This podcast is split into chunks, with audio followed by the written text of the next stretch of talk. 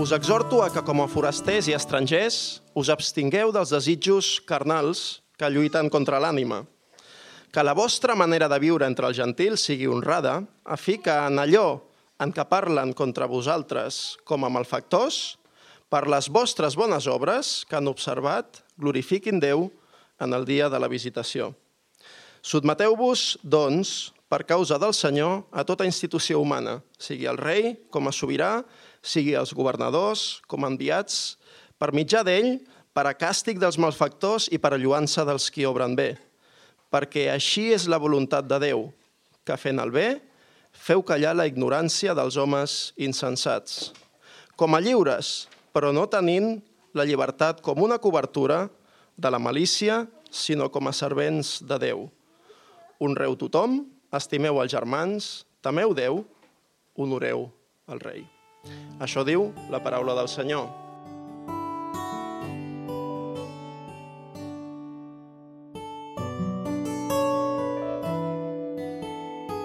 Hola i benvingut al podcast de Ciutat Nova, una església protestant al barri 22 arroba de Barcelona.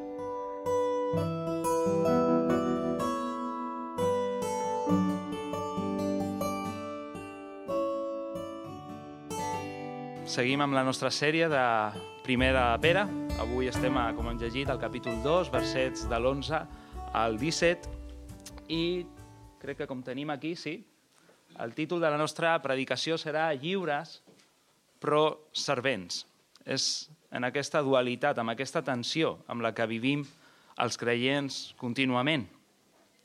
Com a ciutadans europeus ens encanta pensar i dir que som lliures. Els principis de la democràcia impregnen tota la nostra societat. Aquell triple lema de la Revolució Francesa, llibertat, fraternitat, igualtat, són més aclamats que mai. I un dels problemes principals que hem tingut és que moltes vegades hem confós aquesta llibertat amb el dret de fer i dir el que ens doni la gana. Convenint, convertim aquesta llibertat en una excusa per la nostra irresponsabilitat social, moltes vegades. I en aquesta línia hem estat parlant les passades setmanes sobre la nostra identitat com a cristians en aquest món. Enmig d'un món hostil podem recordar que som el poble escollit de Déu. Hem sigut alliberats de l'esclavitud al mal i hem sigut portats a la seva llum admirable. Som ciutadans lliures del regne del cel, de primera categoria. Ara bé, encara vivim enmig d'aquest món. I Pere ens diu que aquesta identitat ha de traduir-se també en responsabilitat, ha de traduir-se també en un bon testimoni cap a la societat en la que vivim. Hem sigut posats no només com a temple de Déu, que parlàvem la setmana passada, com a casa espiritual per adorar el nostre Déu, sinó també per proclamar cap a fora les seves excel·lències enmig de la nostra ciutat. I el mateix podríem veure amb l'antic poble d'Israel. Déu els havia redimit per ser-hi el seu poble escollit, amb el propòsit de que portessin la llum de Javé a la resta de les nacions per mitjà de la seva fe, de la seva manera de viure. Però va haver-hi un problema. El poble d'Israel va confondre la seva nova situació, la nova posició privilegiada que tenia, i van deixar de banda el seu cridament. Van convertir la seva llibertat en una cobertura del seu orgull nacional i la seva irresponsabilitat amb la resta del món. I em pregunto jo avui, és possible que ens passi el mateix a nosaltres com a Església? És possible que oblidem la nostra missió, el nostre cridament com a Església enmig del nostre món, de la nostra societat, de la nostra ciutat? Hem sigut escollits com a poble de Déu, però no per tancar-nos dins de nosaltres mateixos, sinó per donar a conèixer les virtuts del nostre Salvador. I com les donarem a conèixer? Pere avui comença una nova secció i en el nostre passatge ens diu que ho podem fer bàsicament per mitjà de tres coses. La primera, mantenint una vida exemplar. versets de l'11 al 12. En segon lloc, sotmesos a les autoritats, i això com una expressió molt concreta d'una vida exemplar. Versets del 13 al 15. I en tercer lloc, vivint com a servents de Déu enmig de la nostra societat. Versets del 16 al 17. I el primer que veiem és que hem de mantenir una vida exemplar. Pere comença recordant la identitat d'aquests cristians, dels seus destinataris. Són estimats i alhora forasters. Dos realitats que no podem oblidar en tota la nostra vida, enmig d'aquest món, que parlen molt bé de la tensió en la que vivim, com parlem. Som estimats de Déu, havíem dit al verset 9, llinatge escollit, sacerdoci reial, una nació santa, un poble adquirit. Nosaltres, que abans no érem poble de Déu, però que ara som poble de Déu per la fe en Jesucrist. Per altra banda, som forasters en aquest món. La nostra ciutadania és en el cel i és quan vivim conseqüentment aquesta situació que fa que estiguem contínuament sota sospita en aquest món. Com a forasters, qui són, es pregunten. D'on venen? Quines intencions tenen? Tot això ronda el cap del que ens envolten. I és per això que Pere els exhortarà a mantenir una vida exemplar. I com serà això? Bàsicament per dues característiques principals. La primera, per una disciplina interna i, en segon lloc, per un comportament extern. La primera característica és una disciplina interna, diu Pere al verset 11. Us exhorto que com a forasters i estrangers us abstingueu dels desitjos carnals que lluiten contra l'ànima. Aquí veiem el principal obstacle que ens trobem a l'hora de viure com a poble de Déu i donar testimoni del nostre Déu a la nostra ciutat. Podríem pensar que és el món, que és molt hostil, eh? o fins i tot que és el diable, eh? que es mou per tot arreu. Però Pere ens diu que no. No són els de més, no principalment el diable, el principal obstacle està en el nostre propi cor. Pere està descrivint cristians que pateixen l'hostilitat de la seva societat, però fixeu-nos que, fixem que no els diu com a solució absteniu-vos, allunyeu-vos del món els diu, allunyeu-vos dels vostres desitjos, del vostre propi pecat. Potser a vegades pensem que tenim bons motius per no donar testimoni, per no viure vides exemplars en aquest món. Però Pere el que diu és que això només són desitjos de la carn. Són desitjos contraris a la voluntat de Déu, que diu lluiten contra l'ànima. La idea darrere d'això és la d'un combat militar, amb tropes que fan guerra dins de nosaltres i contra nosaltres, que volen treure'ns la pau i que volen deixar-nos completament inútils enmig d'aquest món. El purità del segle XVII, John Flavel, ens il·lustra la magnitud d'aquest problema comparant el nostre cor amb una guarnició assetjada per molts enemics a l'exterior, però també amb el perill de ser lliurada des de dins per ciutadans traïdors. Podem posar-nos molt a la defensiva amb el món, però si no detectem aquests traïdors interns, aquests desitjos rebels al nostre propi cor, caurem. I el testimoni caurà també amb nosaltres. I com podem veure en tot el context, bàsicament aquesta lluita, penso que principalment és contra el nostre propi orgull, que ens impedeix sotmetre'ns a ningú, fins i tot, ni a Déu. Potser pensem, com deia, que tenim bones raons, però la realitat és que es tracta del nostre cor orgullós. I és per això que cal que no ens dormim, sinó que per la gràcia que hem rebut en Crist posem el nostre cor sota disciplina contínua i ens allunyem del pecat. Però no només cal una disciplina interna, això també s'ha de portar cap a l'exterior. I aquesta és la segona característica que destaca Pere, un comportament extern, diu el verset 12. Que la vostra manera de viure entre els gentils sigui honrada. És a dir, exemplar, fins i tot que comporti un gran atractiu per als demés.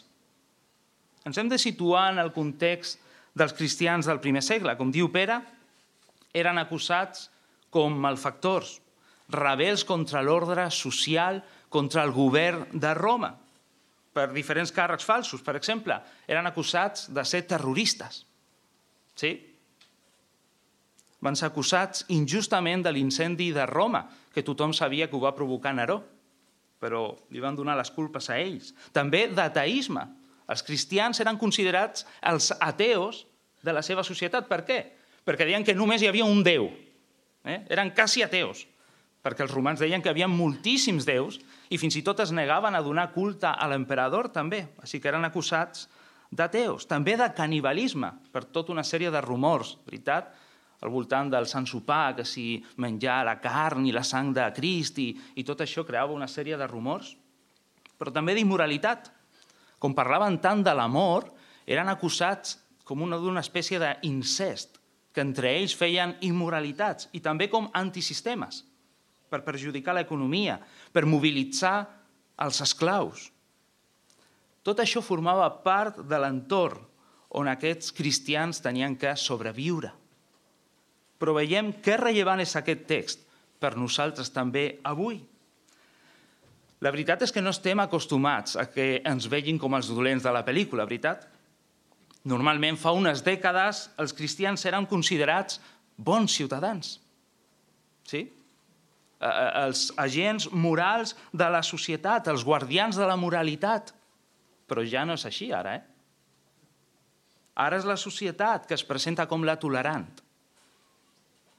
I nosaltres som considerats com els intransigents. També van qualificar d'aquesta manera els primers cristians del primer segle.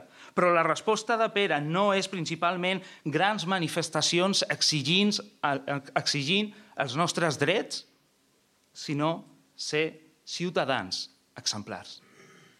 Tot això té una finalitat, diu Pere al verset 12, a fi que en allò que parlen contra vosaltres, en el, com a malfactors, per les vostres bones obres, és a dir, pel vostre comportament visible, que han observat glorifiquin Déu en el dia de la seva visitació.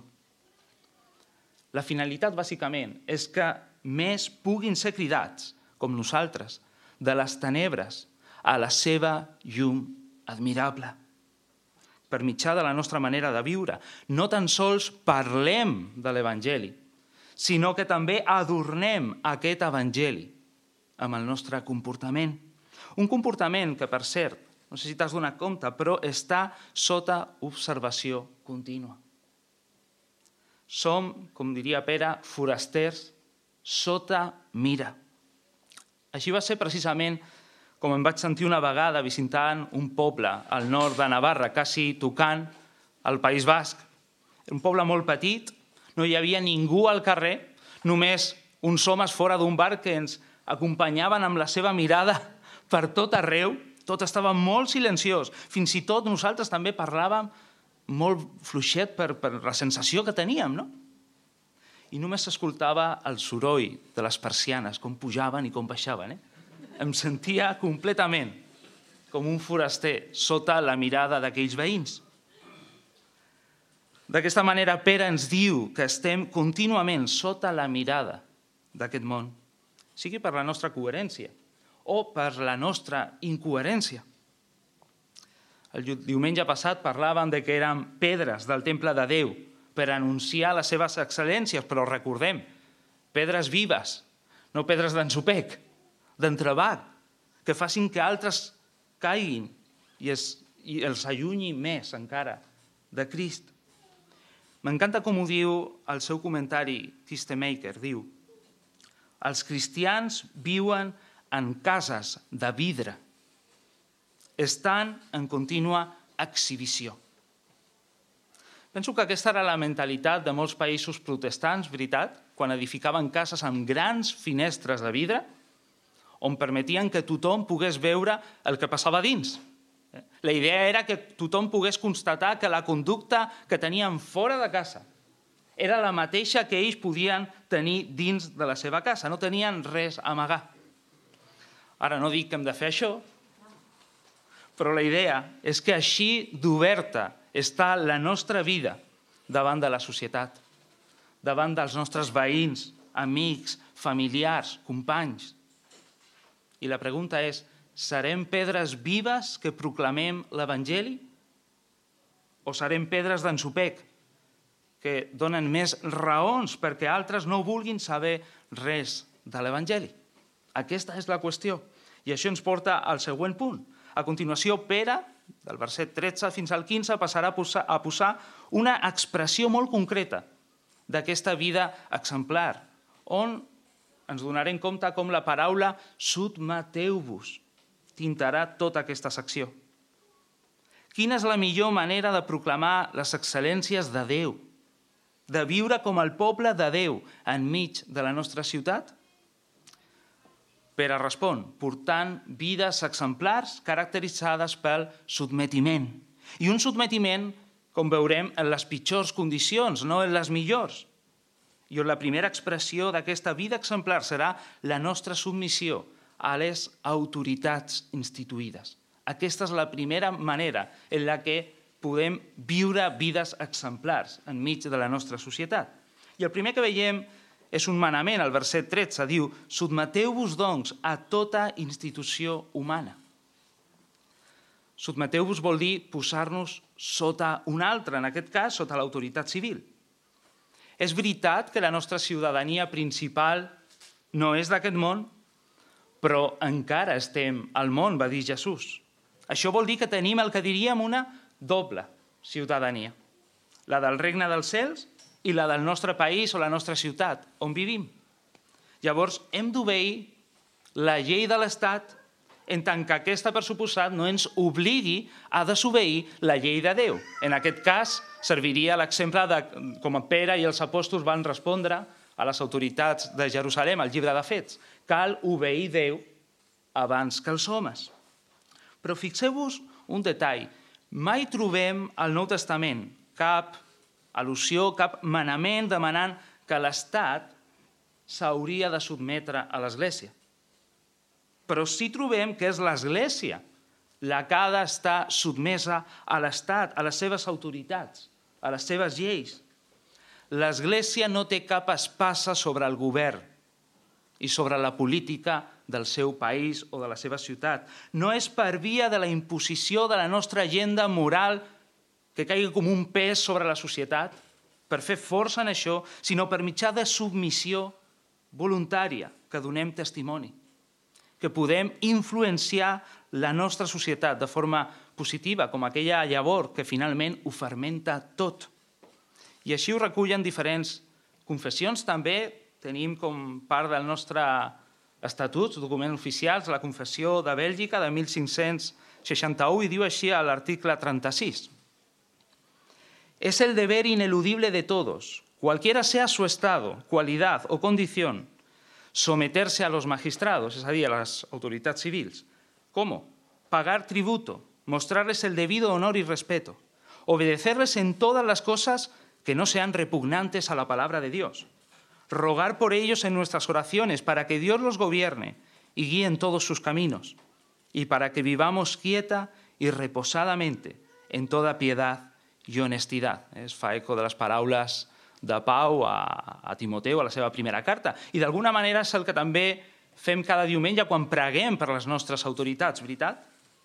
Penso que de vegades és per l'abús que hem vist en aquest país, que podem sobrereaccionar quan parlem de la separació de l'Església que ha de mantenir amb l'Estat. És cert que l'Església no s'ha d'imposar sobre cap govern, ni cap govern ha de prendre decisions sobre la vida espiritual i els valors de l'Església. Però com a Església encara tenim un vincle molt gran amb les nostres autoritats i és un vincle de submissió. Podem ser-hi llum des de la submissió. Mireu com ho diu un altre comentarista. Si la Iglesia desea ejercer influencia para bien sobre el Estado y cualquier autoridad, no debería recurrir a la separación en este sentido de radical, sino a la infiltración espiritual. És des de sota, des de la influència, que podem ser llum. No separació radical, tampoc imposició, sinó infiltració. influenciem des de sota. Llavors, tinguem present això cada vegada que hem de tenir algun contacte, que hem de tractar amb autoritats, amb l'Ajuntament, amb la policia, amb alguna autoritat judicial, i espero que no sigui la cadira dels acusats, però amb qualsevol càrrec públic que, ten, que, que hem de tenir relació com a cristians o com a església. Influenciem des de la submissió. Aquesta és la nostra posició. I quina és la causa d'aquest manament? Pere diu, per causa del Senyor.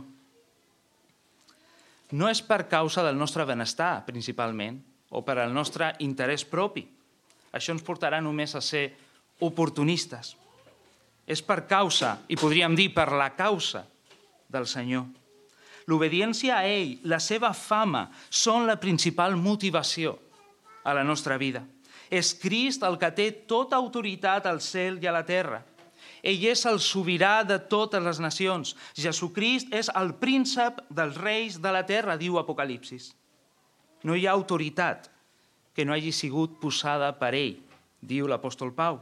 Cap autoritat tindrien els governs si no l'hagués estat donada del cel. És com va respondre Jesús davant de Pilat, perquè ell és, com diu Daniel, qui deposa reis i qui estableix reis. I és per això, per aquesta causa, que ens sotmetrem a les autoritats humanes, al govern, a les institucions, a les lleis del nostre país i la nostra ciutat, perquè Crist està sobre ells. Crist està darrere de tot. I és per al mateix motiu que també sempre obeirem Crist i la seva llei abans que les autoritats humanes. Però sempre ho farem des d'un caràcter sumís, pacífic, humil, que no fa revolta, sinó que simplement i pacíficament assumirem patir les conseqüències que vinguin, però que mai se'ns conegui per la nostra violència, per la nostra agressivitat, per ser rebels, sinó submissos a les autoritats. Ara, quina dimensió té aquest manament? Pere ho diu, a tota institució. I especifica, sigui el rei com a sobirà, i aquí està parlant el context de l'emperador romà, sigui els governadors, és a dir, a tots els funcionaris locals, com a enviats per mitjà d'ell per a càstig dels malfactors i per a dels que obren bé és a dir, per mantenir l'ordre social. És a dir, govern estatal, autonòmic, provincial, local, policia, jutges, funcionaris públics, a tota autoritat, absolutament a tota institució.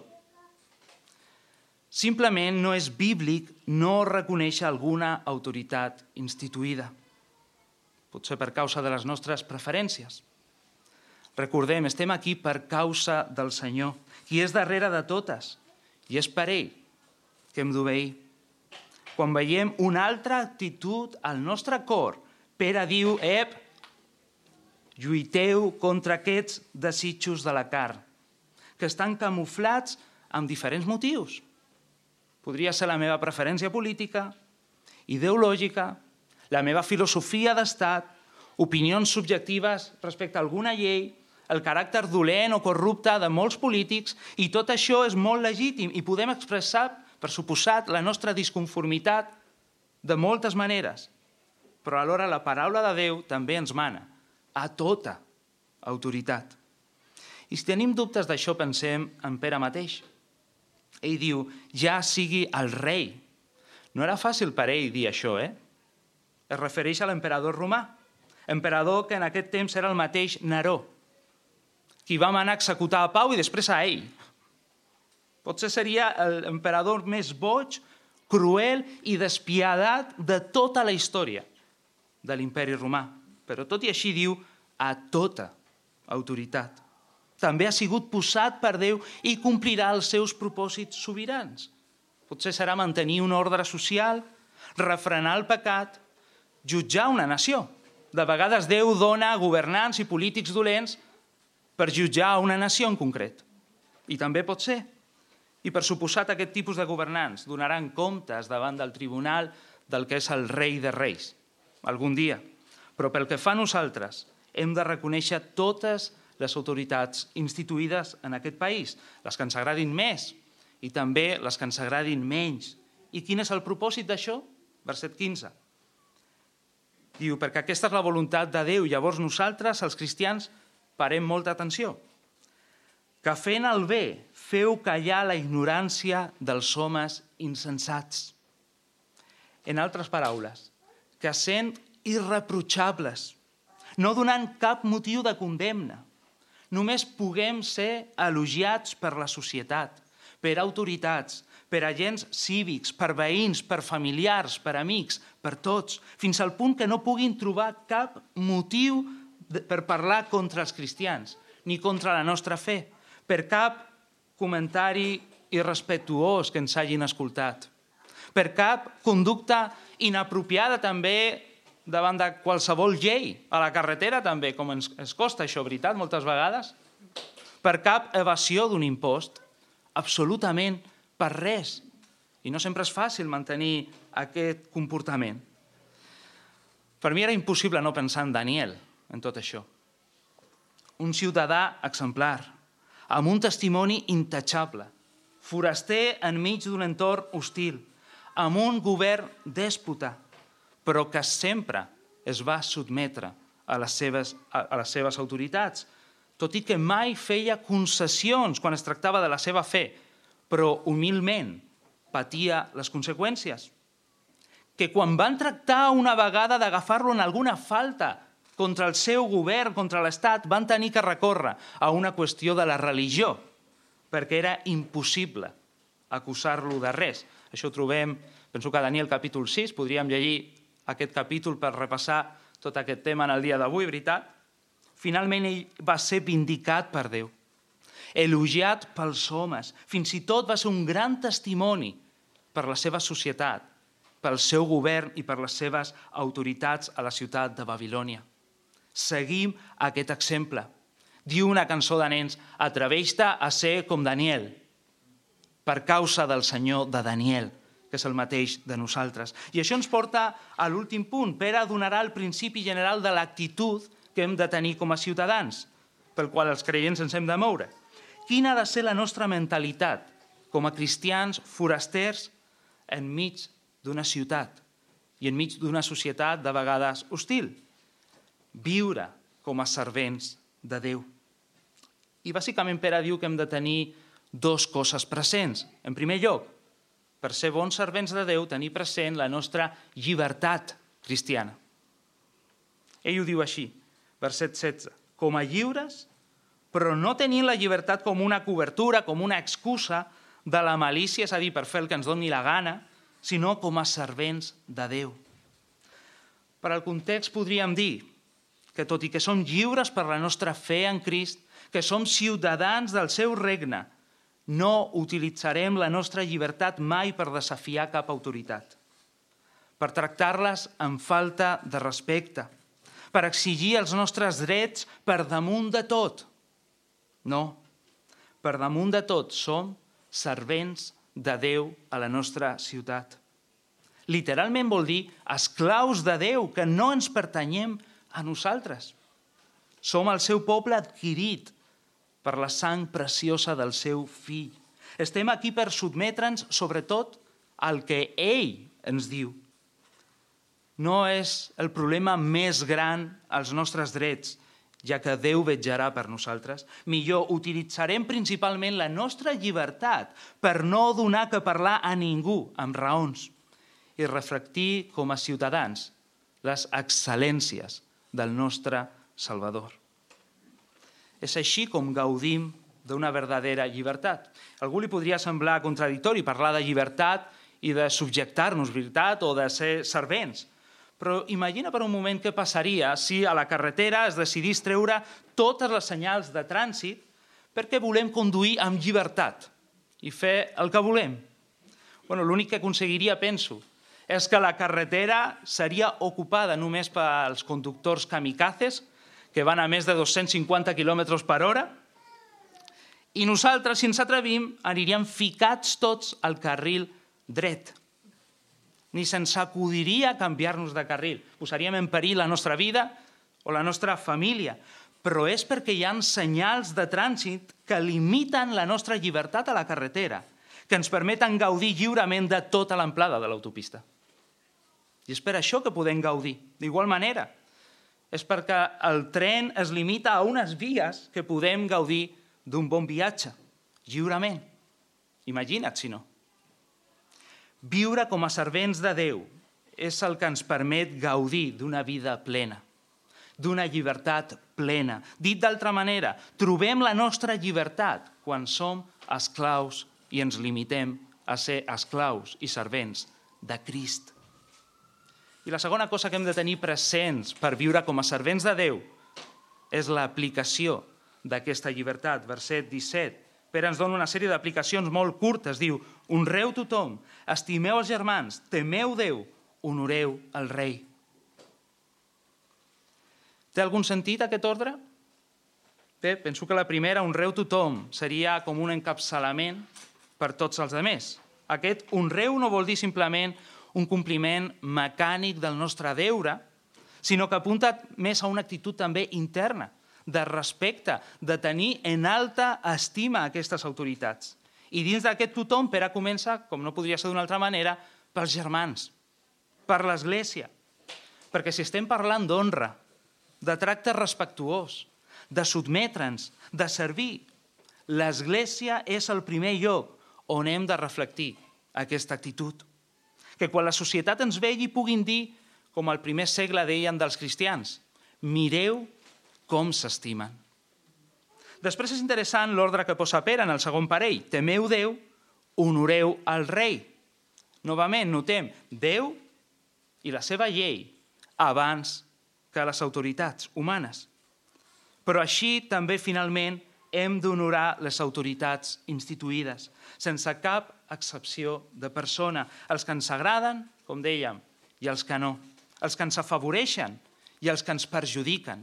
Absolutament a tots. Escriu Pau als creients de Roma. Pagueu, doncs, a tots el que se'ls deu. Aquí el tribut, el tribut. Aquí l'impost, l'impost. Aquí el respecte, el respecte. Aquí l'honor, l'honor.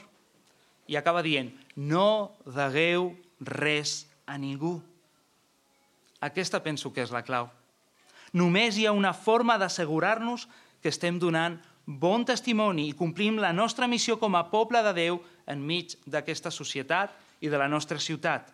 No devent-li res a ningú, servint i pagant sempre el nostre deure a totes les persones i entre aquestes a totes les autoritats. Diu Luther, el cristià és un perfectament lliure senyor de tot, no subjecta a ningú. El cristià és un perfectament obedient servent de tots, subjecte a tots. Aquesta és la tensió en la que vivim. Una coneguda frase de Sant Francisco d'Assís diu així Predica l'Evangeli en tot moment i només quan faci falta utilitza les paraules. Bueno, tinc un problema amb aquesta frase, i és que sempre faran falta paraules per predicar l'Evangeli. Però amaga una veritat també, i és que hem de tenir presents que la nostra manera de viure ha d'il·lustrar el poder d'aquest Evangeli, de com Déu ens ha portat a nosaltres de les tenebres a la seva llum admirable. És molt probable que les nostres vides siguin l'únic sermó, l'única predicació que moltes persones escoltaran a la seva vida. Que puguin veure les excel·lències de Crist en nosaltres. Mostrar-nos com ciutadans exemplars, respectuosos amb les lleis i sotmesos a les autoritats. Com a lliures, però com a servents de Déu per la seva causa, per la seva glòria i pel seu testimoni en aquesta ciutat. I no et conec, però voldria dirigir-me també a tu, que encara no has posat la teva confiança en aquell que és el rei de reis i el senyor de senyors, en Jesucrist, el fill de Déu, que sent el rei de l'univers va davallar per nosaltres, sent el més lliure de tots, però es va fer el servent més gran de tots, pujant a una creu i pagant els nostres pecats, perquè ara tots els que posem la nostra confiança en ell no siguem més esclaus, sinó lliures del pecat i testimonis de la seva gràcia. Aquesta nova vida pot ser també per tu avui, si t'apropes a ell, amb penediment i fe. Avui és dia de la seva visitació. Avui és el dia en què Déu pot visitar-te. Presta atenció avui a la seva veu. Aquell que ens ha dit, sotmeteu-vos a tota autoritat humana. Molt més espera que es sotmetis a l'autoritat divina de Jesucrist. No li deguis res, millor dona-li la teva vida. Dona-li el teu temor, el teu respecte, la teva fe, el teu cor i la teva vida sencera. Honra el rei de reis.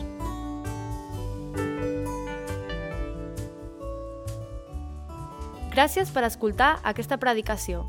Si tens preguntes respecte al seu contingut o vols tenir una conversa sobre l'Evangeli, no dubtis en contactar-nos. El nostre correu electrònic és info arroba cn22.org.